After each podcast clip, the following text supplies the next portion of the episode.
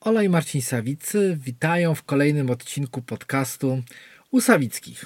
Podcastu, w którym staramy się opowiadać o edukacji, szeroko pojętej edukacji, która dotyczy zarówno dzieci, młodzieży, jak i nas, dorosłych, nauczycieli i rodziców. Serdecznie zapraszamy. Dzisiejszy odcinek naszego podcastu będzie poświęcony yy, lekturom, książkom, które dotyczą podstaw przedsiębiorczości, a może inaczej, które może nie tyle dotyczą podstaw przedsiębiorczości, a które dla mnie, jako dla nauczyciela, rodzica, nauczyciela przedsiębiorczości, człowieka, który prowadzi jakieś tam projekty, bardzo pomogły zrozumieć, co to znaczy przedsiębiorczość i które pomogły mi rozumieć też szkołę i które inspirowały mnie bardzo w myśleniu o szkole, o szkołach czy organizacji, których które, które, które, które, które tu wspólnie z Olą prowadzimy.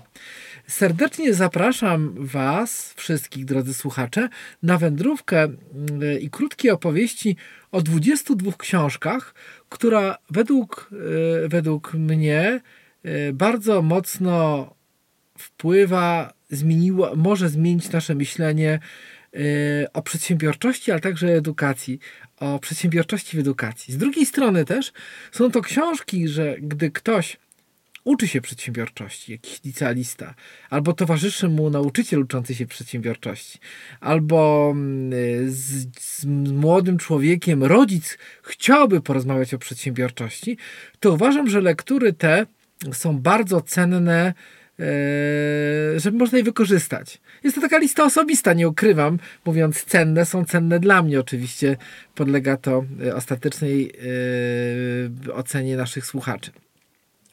Kiedyś, gdy, kiedyś albo teraz też, gdy, gdy, gdy prowadzę egzamin z podstaw przedsiębiorczości, daję uczniom możliwość bycia przeegzaminowanym z danej książki. To znaczy, oczywiście mamy poegzaminować z podstaw przedsiębiorczości z programu, który tam jest, ale jest parę takich pozycji, które mają po 500-600 stron i mnóstwo ciekawych informacji, że jeżeli ktoś mówi, że chce to przeczytać i o tej książce dokładnie porozmawiać, żeby była przedmiotem naszej dyskusji, to jestem gotowy postali, postawić na szali pewne kwestie formalne i przeegzaminować go e, z tych, z tych książek.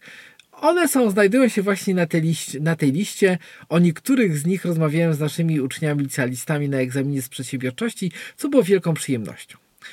Od czego, od czego chciałbym zacząć? Może zacząłbym od książki, która wprowadziła mnie, albo jakby pokazała, na ile zetknięcie się myślenia takiego biznesowego jest bliskie, może być szkole i rozwojowi każdego z nas. Kiedyś wpadła mi w ręce taka pozycja, która była statuowana Heroiczne przywództwo, tajemnice sukcesu firmy istniejącej ponad 450 lat, w której były adept, y, był kandydat na jezuitę, opisywał doświadczenia swoje, gdy był w formacji i formacji jezuickiej. On w końcu, pod, wydam, podam to, zaspoileruję, nie stał się jezuitą, ale stał się jednym z większych y, ludzi biznesu we współczesnym świecie i generalnie on powiedział, on nam twierdzi, stawia taką tezę, że mnóstwo rzeczy, które jest aplikowane teraz do świata biznesu, e, bierze jakieś swoje korzenie, albo powtarza, albo generalnie jest zbliżone do tego, co proponowała w sensie formacji e, jako przywódców formacja jezuicka. Fantastyczna książka, heroiczne przywództwo. Szczególnie ja lubię takie książki, które pokazują, że nie wszystko, co robimy, jest wytworem e, ostatnich, nie wiem, 20-30 lat, czy ostatnich 3 lat mód, tylko my czerpiemy ze wspólnego dziedzictwa.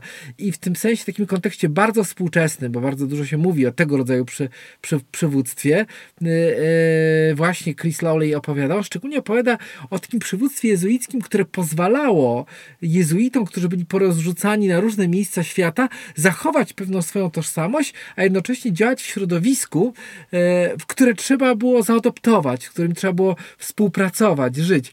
Powiem wam szczerze, że bardzo inspirująca pozycja.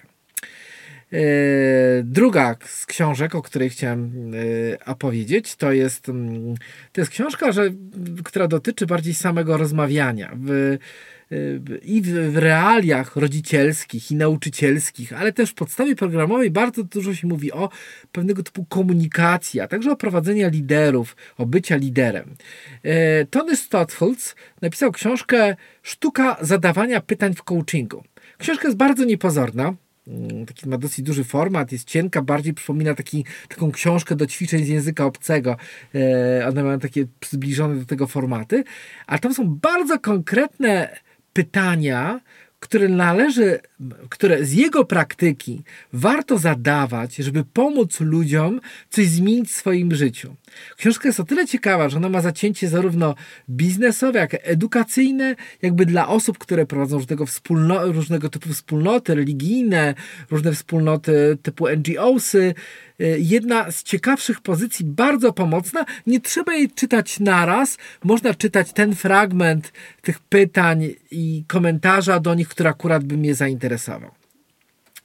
Kolejną ciekawą pozycją dotyczącą uczenia się przedsiębiorczości jest to, że e, przedsiębiorca jest często ukazywany jako osoba, która ciągle musi się zdawać z nieprzewidzianymi e, sytuacjami, wydarzeniami, musi na nie reagować. E, ciekawe jest to, że szkoła też, mimo że otoczona jest tymi całymi procedurami, też de facto w naszym życiu szkolnym, jako nauczyciele, dyrektorzy szkoły, czy nawet rodzice, musimy ciągle reagować na sytuacje, których się nigdy nie spodziewaliśmy, które nas nieustannie zaskakują. I o, o tym, jak jakby wspierać kooperować z tym zaskoczeniem, opowiada Nikola Staleb w książce Czarny Łabędź. Bardzo ją polecam, ona ma taki podtytuł o skutkach nieprzewidzianych zdarzeń.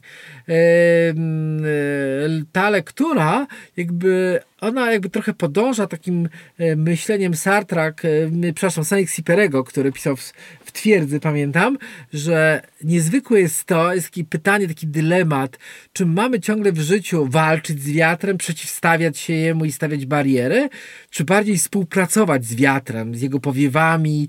E, I, i ta książka trochę jakby jest w tym duchu. Odpowiada na pytanie, jak my mamy przewidywać, procedować, zabezpieczać się, a jeżeli współpracować, to jak? Bardzo polecam. E, bardzo polecam. E, kolejną taką książką, która w, dotyczyłaby egzaminu z podstaw przedsiębiorczości, a z drugiej strony znowu realiach organizowania życia szkolnego, to jest książka, która, która, którą, którą, którą poleciliśmy wreszcie sobie wszyscy tu w naszych szkołach przeczytaliśmy, mam nadzieję, że część dyrektorów przynajmniej przeczytała, to Patryka Lencioniego Efektywne spotkania biznesowe. Tak to brzmi, efektywne spotkania biznesowe, ale każdy, kto był jakiś czas w szkole, wie, że dużo czasu w szkole poświęcone jest na różnego typu rozmowy i spotkania, rady. Rady, rady, rady. Czym dłuższa rada, tym wydaje się, że bardziej troszczymy się o nasze dzieci. I nie mówię, że te rady nie powinny być długie, że nie powinny czasami spać te spotkania trwać po dwa lub trzy dni, ale czasami jest pytanie, czy niektóre z nich nie wystarczy, gdyby trwały pół godziny, 30, 30 minut czy kwadrans, e, a z jakąś inną częstotliwością. O różnych rodzajach spotkań, ich efektywności, a także pewnego tej dramaturgii odpowiada w efektywnych spotkaniach biznesowych Patryk Lencioni. On opowiada, dlaczego nasze spotkania są nudne, dlaczego ktoś, kto organizuje spotkania, nie myśli o pewnej dramaturgii tego spotkania, nie mówiąc tylko o lekcji dla dzieci, mówiąc także o spotkaniach ze swoimi nauczycielami jak myślimy o aktywnych lekcjach, pasjonujących lekcjach, dlaczego nie pomyślimy o dłuższym czy krótszym, ale ciekawym spotkaniu dla naszych pracowników? W tym wypadku myślę bardzo dużo o naszym zespole jako nauczycielach. I też przy tej okazji yy, książka tego samego autora, Patryka Ancioniego, której tu nie mógłbym yy, yy, pominąć, pod tytułem Pięć dysfunkcji pracy zespołowej. Z kolei ta książka y, mówi o, o tym, co zrobić, żeby zrobić team. Rzadko y, można usłyszeć, że ktoś mówiąc o szkole, o radach pedagogicznych posługuje się słowem team.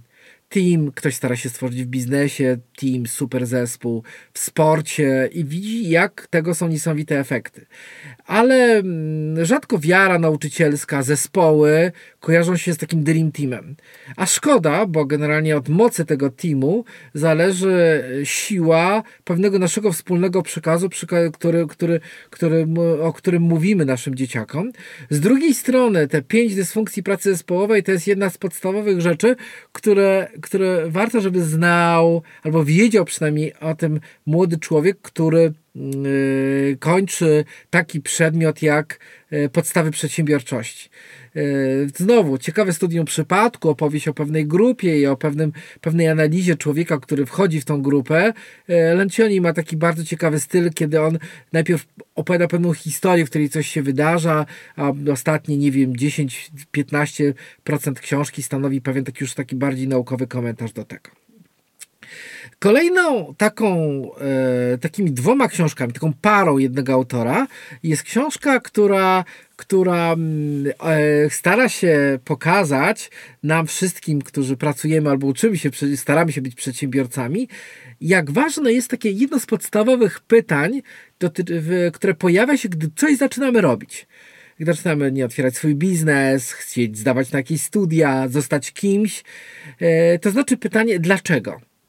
I taki jest tytuł tej książki. Zacznij od dlaczego, Simon Sinek. On ma też taki bardzo fajny, jeżeli ktoś nie lubi czytać już bardzo, y, to taki TED, takiego TEDa, na którym w kwadrans streszcza sedno tego, co opisuje w bardzo ciekawy sposób w tej książce.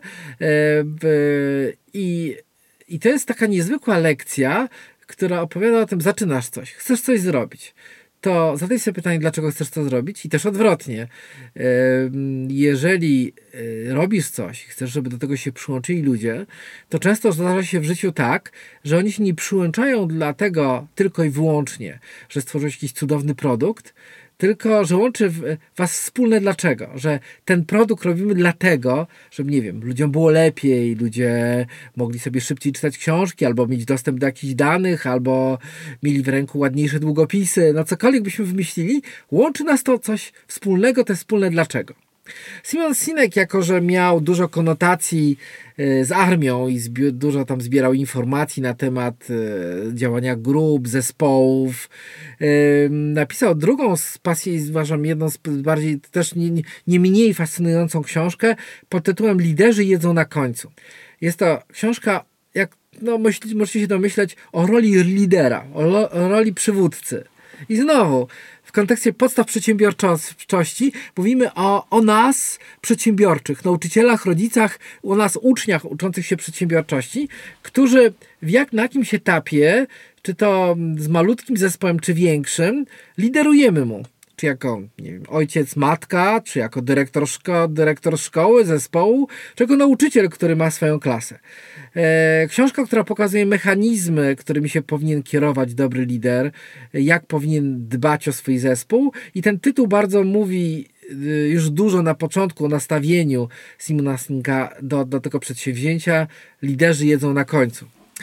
Y, bardzo często y, mówimy, że, y, że pewna myśl, myśli naukowe dotyczące funkcjonowania człowieka bardzo szybko przenikły już, przenikają lub przenikły do świata biznesu, a jakoś tak szkoła jest na nie, na nie bardzo odporna. I tu w tej przestrzeni bardzo polecam książkę Drive, komple, e, kompletne e, takie spojrzenie na edukację Daniela Pinka, e, który opowiada o współczesnych badaniach dotyczących jak ludzie, ludzie się motywują, kiedy ludzie są zmotywowani do działań przeróżnych. I znowu wracam do, do przestrzeni y, przedmiotu podstaw przedsiębiorczości, kiedy mówimy o tym, jak z ludzi wyzwalać pewną energię, jak powodować, żeby oni robili rzeczy, które chcemy robić wspólnie, albo chcemy, żeby coś produkowali, wymyślali, współpracowali, jak ich zmotywować. No znowu, cudownie się to przykłada na tą przestrzeń szkolną, bo to znaczy, jeżeli tak naprawdę te reguły w jakiejś mierze są yy, prawdziwe i sprawdzone, to dlaczego by takich reguł dotyczących motywacji nie wprowadzać, nie analizować w naszym życiu szkolnym? Także bardzo polecam Daniel Pink, Drive. Yy, kompletne spojrzenie na, na motywację. Yy, bardzo, bardzo, bardzo dobra książka. No, dla, dla bardzo często się mówi, nie do końca się z tym poglądem do końca zgodzę, bo w jakiejś mierze każdy z nas jest przedsiębiorcy, ale że przedsiębiorca to jest osoba, która jednak podejmuje się yy, roli, roli szefa, roli przywódcy. Yy, tak się też składa znowu w rzeczywistości szkolnej, że nasze dzieciaki chcąc nie chcąc mają też do czynienia z olbrzymią ilością szefów w postaci e, nauczycieli, którzy wchodzą na lekcje i w tym czasie 45 minut są szefami, czy dyrektorzy, którzy generalnie zarządzają tym całym ambarasem. E, I książka Szef wymagający i wyrozumiały, jak skutecznie zarządzać, zarządzać nie tracąc ludzkiego oblicza, Kim Scott, jest taką pozycją, która, e, która jest bardzo ciekawie napisana, odnosi się do takich prawdziwych, realnych przy, przykładów, e, których, których autorowi nie brakuje, ponieważ on jest jakby praktykiem pracującym bardzo dużo z różnymi liderami, przywódcami. Bardzo dobrze się czyta bardzo jest interesująca e, i bardzo łatwo odnieść do naszego takiego everyday life. E, a z kolei mi się też jest na tyle ciekawa, że, że osoby, które są uczestnikami tego procesu, znaczy uczniowie, którzy podlegają pewnemu tam e, grillowaniu przez jakichś rozmaitych przywódców, mogliby się odnieść i, też na podstawie tego ocenić, na ile ktoś, kto jest przy, przywódcą, liderem, jest szefem wymagającym, wyrozumiałym, czy nie jest wyrozumiałem na przykład. E, są, e, bardzo cenne, bardzo, bardzo ciekawie też się czyta pozycje czy książki, które opowiadają o powszechnie znanych nas przedsięwzięciach, które szczególnie kojarzą się z pewnym sukcesem. I tutaj poleciłbym dwie książki, które dotyczą e, czterech podobnych firm, to znaczy jedna książka to jest Wielka Czwórka Scotta Galwaya, a druga Jak działa Google Erika Schmidta i Jonathana Rosenberga. E, ta druga mówi o jednej z tych firm Wielkiej Czwórki, znaczy o Google. E, to są dwie książki, które w bardzo ciekawy, interesujący sposób opisują działanie firmy. Ciekawe jest, mimo że Wielka Czwórka, Wielka Czwórka jest ciekawa pod tym względem, że ona poza sukcesami tych przedsięwzięć opisuje zagrożenia, jakie niosą te przedsięwzięcia. E, ich czasami totalność, a poza tym niebezpieczeństwo, jakie może kryć się za pewną nieprawdopodobną skutecznością niebezpieczeństwo dla całej reszty, albo rynku, albo samych odbiorców. Jak działa Google za to, jest bardzo ciekawą analizą dokon do, dokonywaną przez twórców Google'a, którzy opisując i zachwycając się swoją firmą, co, co nie jest dziwne, e, jednocześnie wyłapują rzeczy, które tam mogłyby nie, mogły działać lepiej, albo po prostu działały w jakichś momentach źle. Trochę dystansu, E, piszą o tym autorzy, więc któż może robić się lepiej? I jeżeli na przykład polecalibyśmy naszym uczniom czy dzieciom, gdy rozmawiamy o tym, gdy jakiś młody człowiek przygotowuje się do egzaminu do przedsiębiorczości, to uważam, że jest to książka, która by się dobrze czyta i dobrze o niej rozmawiać, a jest także taką książką, którą zarówno i rodzic, i młody człowiek przeczytają i jest fajnym i fajnym takim momentem na przykład dla, dla, dla rodzica i tego licealisty, tego, że przeczytaliśmy razem książkę i możemy sobie o niej pogadać. E, e, kolejnym przykładem e, interesującego spojrzenia na, na to, jak tworzy się dobre rzeczy. Jest taka książka Jima Collinsa Od dobrego do wielkiego, zwana taka Good to Great. Bardzo często też angielski tytuł funkcjonuje w opowieściach nawet polskiego wydania. I tam jest historia, historie, badanie, wielkie badanie, które dotyczą tego, dlaczego niektóre filmy są jakimiś strzałami, istnieją po prostu jak sztuczne ognie, wznoszą się, wszyscy je widzą, ale po roku czy po dwóch znikają, a niektóre przedsięwzięcia stale rosną w siłę i od 5, 10, 20, 25 lat się rozwijają i są coraz lepsze. I jak to się stało, że od tego dobrego stały się wielkimi, jest w tym procesie coś takiego stałego. książka, która, która znowu operuje takim dosyć ciekawym, prostym językiem. Amerykanie, czasami autorzy amerykańscy lubią operować prostym językiem, żeby, bo, bo, bo chcą popularyzować pewną wiedzę, a poza tym sprzedać te książki. Ona przyznaje, że w moim myśleniu o fundacji, o szkołach bardzo dużo jakby zmieniła, uspokoiła mnie, pokazywała jak wiele ludzkich cech jakby sprzyja temu, żeby jakby starać się zrobić jakieś wielkie przedsięwzięcia, nawet o charakterze takim organizacyjno-finansowym. E, no dobrze, teraz warto by przejść trochę do takich e, przez historię i realia do takich przykładów biznesowych albo rozwoju pewnej idei, który można by się przyjrzeć. I tutaj bardzo polecam w ogóle autora Waltera Isaacsona, który zasłynął z historii biografii Steve'a Jobsa, czy, czy teraz Leonarda da Vinci, ale on napisał taką książkę Innowatorzy. I to jest taka historia, gdy my zwykle mówimy o przedsięwzięciu, o, przedsi o, o przedsiębiorczości jako takim jednorazowym naszym wydarzeniu, że my mamy jakąś ideę, pomysł i my je to realizujemy. W tym momencie jest opisany pewien zamysł, który, który tak naprawdę nakłada się przez pokolenia pewna myśl, która takim łańcuszkiem e, przez ostatnie 200 lat e, doprowadziła do nas, do nas do tu i teraz. Chodzi konkretnie o rozwój e, komputerów, maszyn, które myślą jak człowiek, albo czasami na tym myśleniu są coraz szybsze i sprawniejsze niż człowiek w pewnych algorytmach, a przy okazji rozwoju internetu, sieci, sięga tą swoją historią aż e, na koniec, z tego co pamiętam, XVII wieku, e, gdy pojawia się marzenie o tym, aby stworzyć coś, co by zastąpiło człowieka albo przypominało, i, tą, y, i pokazując historię różnych ludzi, zaułki, ślepe uliczki, pokazuje, jak wysiłek każdego z nas doprowadza nas do tu i teraz.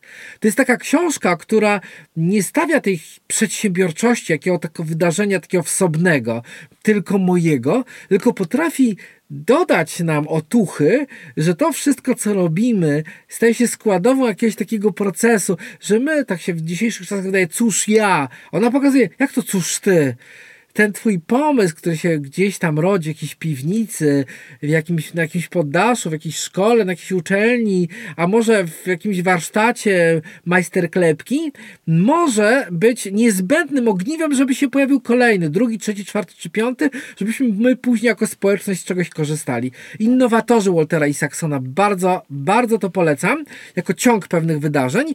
To rozmawialiśmy tak jakby w takim E, w takim ciągu, w takim pionie, a coś, co było w poziomie, to bardzo polecam książkę, o której kiedyś chyba opowiadałem już w zakładce takiej opowieści o książkach, Przez drogi i bezdroża, podróż po nowych Chinach. To opowiada Peter Hessler, facet, który przeżył w Chinach, mieszkał tam 30 lat i szczególnie Ciekawa jest trzecia część. Ta książka się składa z trzech części. Jedna mówi o tym, jak on tam miał, zdobył prawo jazdy, jeździł po Chinach. Druga opowiada, jak sobie kupił taką daczę, taki domek takiej wsi, jak razem z tym, on sam obserwował, jak ta wioseczka się zmienia przez kolejne 20 lat, w, tam w odległości mieszkając tam 100 czy 200 kilometrów od Pekinu. A ta trzecia część dotyczy, dotyczy tego, jak Chińczycy zakładali, zakładają swoje przedsiębiorstwa, swoje biznesy, jak otwierają swoje fabryki, jak powstają miasta, jak, z jaką dynamiką to się dzieje. No nie chcę tu jakby spoilerować, ale to jest książka, to jest przynajmniej ta część książki. Każdy, kto jest tym zainteresowany przedsiębiorczością, albo nie wiem, nudzi się podręcznikiem, a chciałby zobaczyć i poznać, yy, nie mogąc pojechać do Chin, poznać, usłyszeć relacje od człowieka, który Chiny zna od podszewki i był, zna chiński, współpracował z tymi ludźmi, to bardzo Wam to polecam. Czyli przez drogi bezdroża, podróż po Nowych Chinach, Peter Hessler. Kolejną ciekawą pozycją związaną z takimi sposobami uczenia się i rozwijania, bo znowu, e, gdy, gdy mamy podręcznik do podstaw przedsiębiorczości, jest tam sporo dotyczących samej postawy postawę, jaką ma osoba, która jest przedsiębiorcza i coś w swoim życiu musi ogarnąć. ja zakładam, że każdy z nas w życiu musi coś odgarnąć od, od rodziny przez jakieś marzenie dotyczące, nie wiem, swojej pracy, aż po może niektórzy z nas prowadzą te przedsiębiorstwo. I jest to, jest to książka Siedem nawyków skutecznego działania. Ona ma nawet taką wersję dla młodzieży, napisaną przez syna autora, a to autorem jest Steven Covey, a jego syn napisał jeszcze taką wersję dla młodzieży. Bardzo, bardzo ciekawa, ucząca książka, e, która ma to do siebie, że poza młodzieżą czyta mnóstwo ludzi dorosłych, e, ponieważ e, każdy chciał być skuteczny. Każdy chciałby zobaczyć, jakie to nawyki powinny być, żeby tą skuteczność osiągnąć. A druga ciekawa książka, jakby trochę stojąca nie chcę być w opozycji, ale, ale, ale jakoś tam do tych nawyków, to jest książka Dlaczego piątkowi uczniowie pracują dla trójkowych. E, Roberta Kiyoshikiego, który, który jest takim w ogóle całą bogaty ojciec, taką całą, ma taką, taką wizję, takie programy nauczania, robi taki biznes z, z uczenia, co robić, aby, aby rodzice dobrze nauczyli jakby podstaw finansów swoich dzieci. Ale on tam porusza bardzo ciekawą rzecz, ponieważ jest jako zjawisko, istnieje coś takiego, że ci uczniowie e, trójkowi zwykle są pracodawcami tych piątkowych że czwórkowi, piątkowi zostają takimi trybikami często w korporacjach albo dobrymi urzędnikami, ale często ci trójkowi potrafią, nie mówię, że wszyscy, ale duża część z nich potrafi być szefami. I on tam bardzo ciekawie podkreśla kwestię błędów. To znaczy, że e, ludzie, którzy upadają, uczą się powstawać, uczą się czegoś niezwykłego, czegoś niepowtarzalnego, czegoś, co uczy nas niezłomności, e, wytrwałości, E, tu Aleksander Pawlicki w takim bardzo swojej ciekawej opowieści, dlaczego nie uczymy się o błędach, bardzo ciekawie też o tym opowiada. Polecam zerknąć sobie na YouTubie na, na jego opowieść o tym. Ale w tej książce, dlaczego piątkowi uczniowie pracują dla trójkowych, też o tym warto sobie pomyśleć, poczytać. E, I ona też pokazuje, na ile nasza szkoła w jakiejś mierze też zadać sobie to pytanie, naprawdę zaprzeczeniem tego, e, zaprzeczeniem przedsiębiorczości, że generalnie e, absolutnie karze za, za błędy i nie daje przestrzeni do podnoszenia się z tych błędów. Ktoś powie, jak to, zawsze może dostać piątkę. Nie do końca o to chodzi. E, gdybyśmy znowu wrócili do kwestii samych podręczników, jak coś robić, tak jak jest 7 nawyków skutecznego działania, to ja sobie kiedyś pomyślałem, która z tych książek, które to wymieniłem, powinna być na liście podręczników w szkole, to jedna z nich pojawiła mi się jako zdecydowany faworyt, to znaczy TED Talks, oficjalny poradnik TED, czyli jak przygotować wystąpienia publiczne. Chrisa Andersona, faceta, który kupił to przedsięwzięcie i je rozkręcił w takiej rozmiarów i skali, jaka, jaka funkcjonuje dzisiaj. E, w bardzo takich e, systematycznie opisany sposób opowiada o tym, jak się ubrać, jak mówić, jak się przygotować, jak ich sformułować, używać, co robić z gestami, z mimiką. Czyli opowiada wszystko po kolei, jak przygotować wystąpienia publiczne. Na dodatek, co jest ciekawe, poza tą instrukcją opowiadaną, do każdego rozdziału je, są linki do takich TEDów, które byłyby, czyli tych speechów, które byłyby wzorowe pod kątem akurat tego, o czym teraz mówi, typu jak się ktoś ubrał, albo co robi z ciałem w czasie, gdy opowiada, albo jak jego historia jest interesująca, to jest yy, pasjonująca książka i generalnie znowu w podstawie przedsiębiorczości mamy sporo o tym, na ile jesteśmy komunikatywni, na ile potrafimy pewne treści przekazać, opowiedzieć. Właśnie TED Talk, oficjalny poradnik TED, jak przygotować wystąpienia publiczne, Chrisa Andersona o tym opowiada. Yy, też książką, która, która, która bardzo dużo mówi o tym, jak można zrealizować pewne swoje marzenia. Jest książka e, Nowa psychologia człowieka, Carol Dweck. E, to znowu, jak jesteśmy za chwilę przy TEDzie, to jest osoba, która ma, ma też swój speech, na, gdzie po, mówi o podstawowych tezach swojej książki, która opowiada o tym, jak wiele w naszym życiu i w naszej pracy znaczy nastawienie. Ile chęć na i to jest jakby mi bardzo bliskie, bo gdy prowadziliśmy rekrutację do różnego typu naszych działań, szczególnie młodzieży, ale też i dorosłych, to bardzo często kluczowe znaczenie dla nas ma nastawienie do tego, że ktoś marzy o tym, że to chce zrobić i jest w stanie dużo zrobić, wielkiego wysiłku dokonać, żeby, żeby to się wydarzyło. A to jest związane z nastawieniem. Nad różnymi rzeczami. Sam talent nie wystarcza. Nastawienie, które wyzwala z nas pewien potencjał pracy do działania. E, także bardzo polecam. Karol Dweck, Nowa psychologia człowieka. E, my tu często mówimy o zasadach, tak nawyki skutecznego działania, E, o, jak wcześniej mówiliśmy jeszcze o, e, o, o, różnych tam innych kwestiach związanych o tym, jak, co powinno się robić, a, ale czasami bardzo na przykład mi na wyobraźni działają opowieści, które tak trochę e, idą w poprzek utartym poglądom. Jest taka książka Markusa Buckinghama i Karta Kaufmana. Po pierwsze, złam wszelkie zasady. Co najwięksi menedżerowie na świecie robią inaczej. I książka, która trochę może mylić, co najwięksi menedżerowie na świecie robią inaczej, to znaczy tak jakby ona dotyczyła tych największych menedżerów, a gdy czyta się tą książkę, to ona dotyczy nas, bo generalnie te zasady, dzięki którym oni osiągają pewne efekty, Y, genialnie się przekładają na nasze życie rodzicielsko-nauczycielskie, uczniowskie. Y, już nie mówię o studiach przypadków, tam różnych firm i bardzo konkretnych przykładów. Y, to, to wydaje mi się, że książka ciekawa zarówno dla uczniów, jak dla rodziców i nauczycieli. Czasami brakuje nam książek, które byłyby takim pilotem, takim, takim czymś, nad którym moglibyśmy, z czym moglibyśmy popracować. Książką, z którą się daje popracować, z którą w zasadzie można by popracować sobie na podstawach przedsiębiorczości przez 3 czy 4 miesiące i która po prostu mogła być podręcznikiem, moim zdaniem, to jest książka Tworzenie modeli biznesowych, podręcznik wizjonera.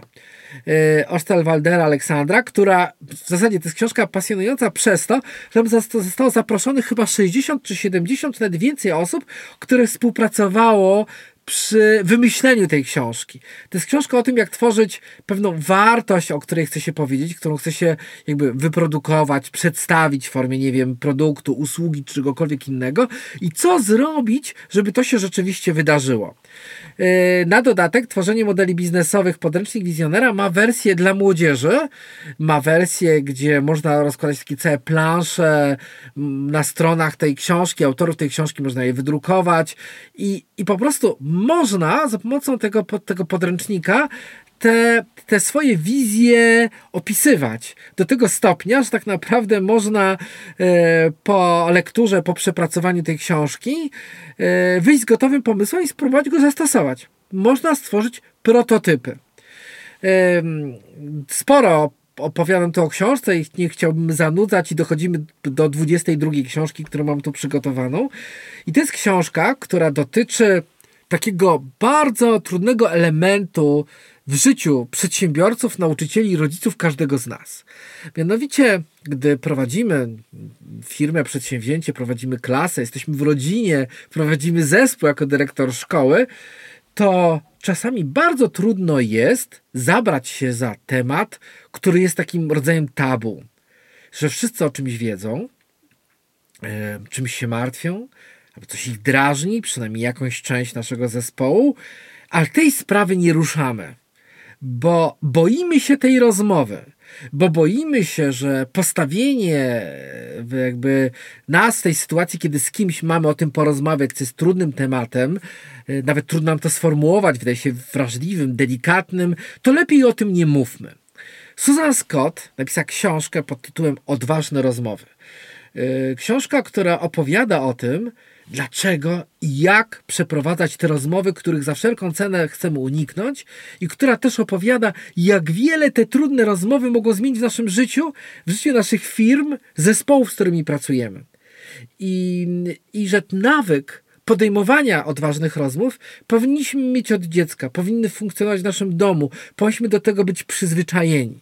Przyznaję, że e, książka Odważna rozmowy, ją kupiłem jakiś czas temu, ale to jest taka typ takiej książki, że w porywie jakiegoś entuzjazmu komuś pożyczysz, dasz, zapominasz komu pożyczyłaś, pożyczyłeś, czy dałeś, dałaś i tej książki na przykład teraz nie mam. Nie mogę jej kupić, bo nie ma, nie ma jej wznowienia. Ciężko ją dostać na Allegro, gdziekolwiek, ale przyznaję, że warto zrobić wiele, żeby tą książkę Odważne Rozmowy yy, zdobyć, przeczytać, ale przede wszystkim podjąć się tych trudnych rozmów, które są czasami najprostszym kluczem do rozwiązania poważnych problemów w zespołach, w firmach, w klasach, w rodzinie. tą książką też chciałem zakończyć tą opowieść.